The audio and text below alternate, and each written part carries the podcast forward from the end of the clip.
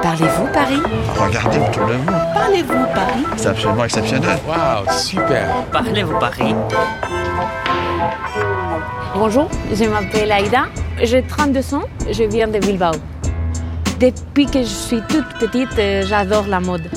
Et euh, j'aimerais bien savoir quelles sont les tendances du moment. Je voudrais aussi qu'on me donne des clés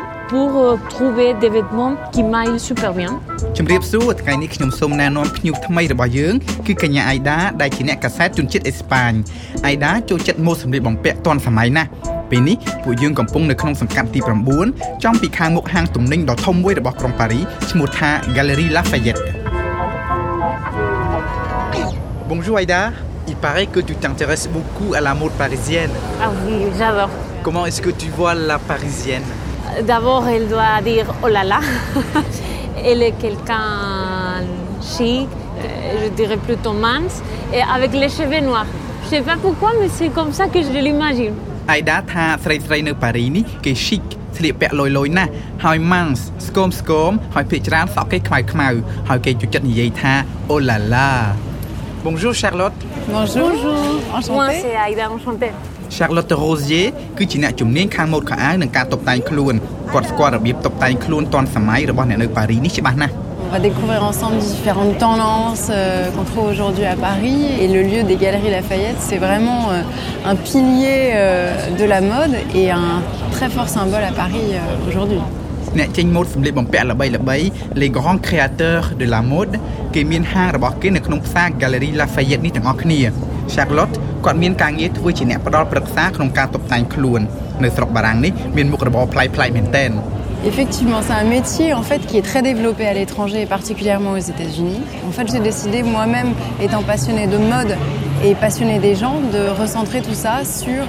les conseils qu'on pourrait donner aux gens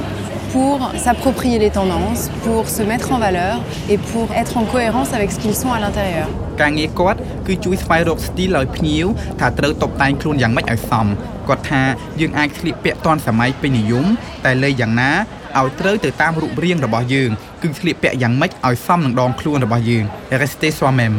Charlotte on vous suit Eh bien, allons au deuxième étage ឥឡូវនេះគាត់នឹងនាំពួកយើងឡើងទៅជាន់ទី2នៅជាន់ទី2នោះសាប៊ូសុទ្ធតែខោអាវមានរ៉ូបដែលគេកាត់រួចស្រាប់ស្រាប់ l'étage du prêt à porter Donc Aïda, ថ្ងៃនេះអៃដានឹងបានដើរលោតសម្លៀកបំពាក់យ៉ាងសប្បាយដៃតែម្ដង l'objectif c'est d'avoir une harmonie de silhouette. Une harmonie de silhouette, chez une femme, ça s'obtient quand on a une largeur d'épaule qui est égale à une largeur de bassin avec une taille qui est marquée le plus possible. D'accord គាត់ថាអ្វីដែលសំខាន់គឺយើងត្រូវស្លៀកពាក់ឲ្យវាស័ក្តិសមនឹងដងខ្លួនរបស់យើង une harmonie de silhouette របៀបគេរើសខោអាវគឺយើងត្រូវប្រយ័ត្នរើសទំហំស្មា les épaules ឲ្យត្រូវស្មើជាមួយទំហំតាគៀកឬបាសាំងហើយធ្វើម៉េចឲ្យចង្កេះនឹងវារឹបជាប់នឹងខ្លួនយើង Regardez-vous dans le miroir. Je me mets comme ça. Vous vous mettez comme ça. Ah, Vous avez les épaules plus étroites que le bassin. Et vous n'avez pas une taille qui est très marquée. D'accord Donc première chose, on va élargir les épaules pour rééquilibrer avec le bassin. Deuxième chose, on va essayer d'avoir des formes qui sont cintrées. Et enfin, le tout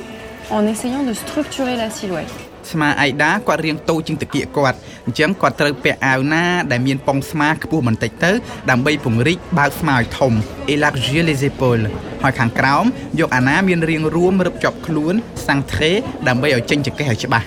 le fait de mettre des épaulettes ou d'avoir une veste ou un gilet ou une matière qui se tient toute seule, ça va structurer une silhouette et ça va la rendre plus harmonieuse. D'accord ah, Je vais vous faire essayer deux, trois choses pour vous montrer. D'accord Alors, Charlotte, quand tu ah, Si, c'est très bien. 38. Oui, oui, oui. Regardez-vous. Le fait que la veste soit relativement courte, ça va bien avec une robe. D'accord? Parce que ça élance la silhouette. Et pour élancer une silhouette, il y a plusieurs techniques. Il y a la couleur, le fait de porter le même genre de couleur en haut et en bas sur le corps pour éviter de couper complètement la silhouette. D'accord? Et c'est la verticalité, le deuxième principe. La verticalité, c'est d'avoir des lignes verticales qui vont dans l'œil de la personne que vous allez avoir en face de vous, se dire bah tiens elle est grande, elle est élancée. ដើម្បីលើករាងយើងអ្នកស្លៀក élancer la silhouette យើងគួរស្លៀកសម្លៀកបំពាក់ណាដែលវែងវែងបដោយបដោយចុះក្រោមឬក៏ស្លៀកពាក់ពណ៌តែមួយទាំងលើទាំងក្រោម D'accord Vous pouvez enlever la veste.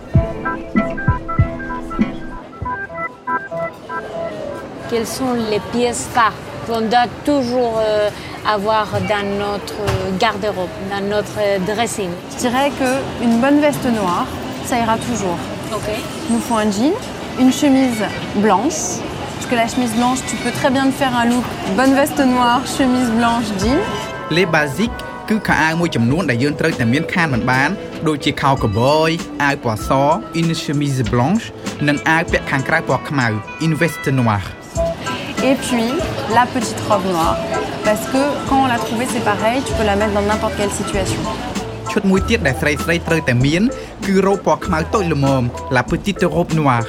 និយាយដល់ពណ៌អញ្ចឹងទើបនឹកឃើញព្រោះថាពណ៌ខោអាវសំខាន់ណាស់ក្នុងវគ្គបន្តទៅទៀតនេះ Charlotte នឹងពន្យល់ពួកយើងឲ្យចេះរើសពណ៌ណាដែលពាក់ទៅវាលើកសាច់របស់យើង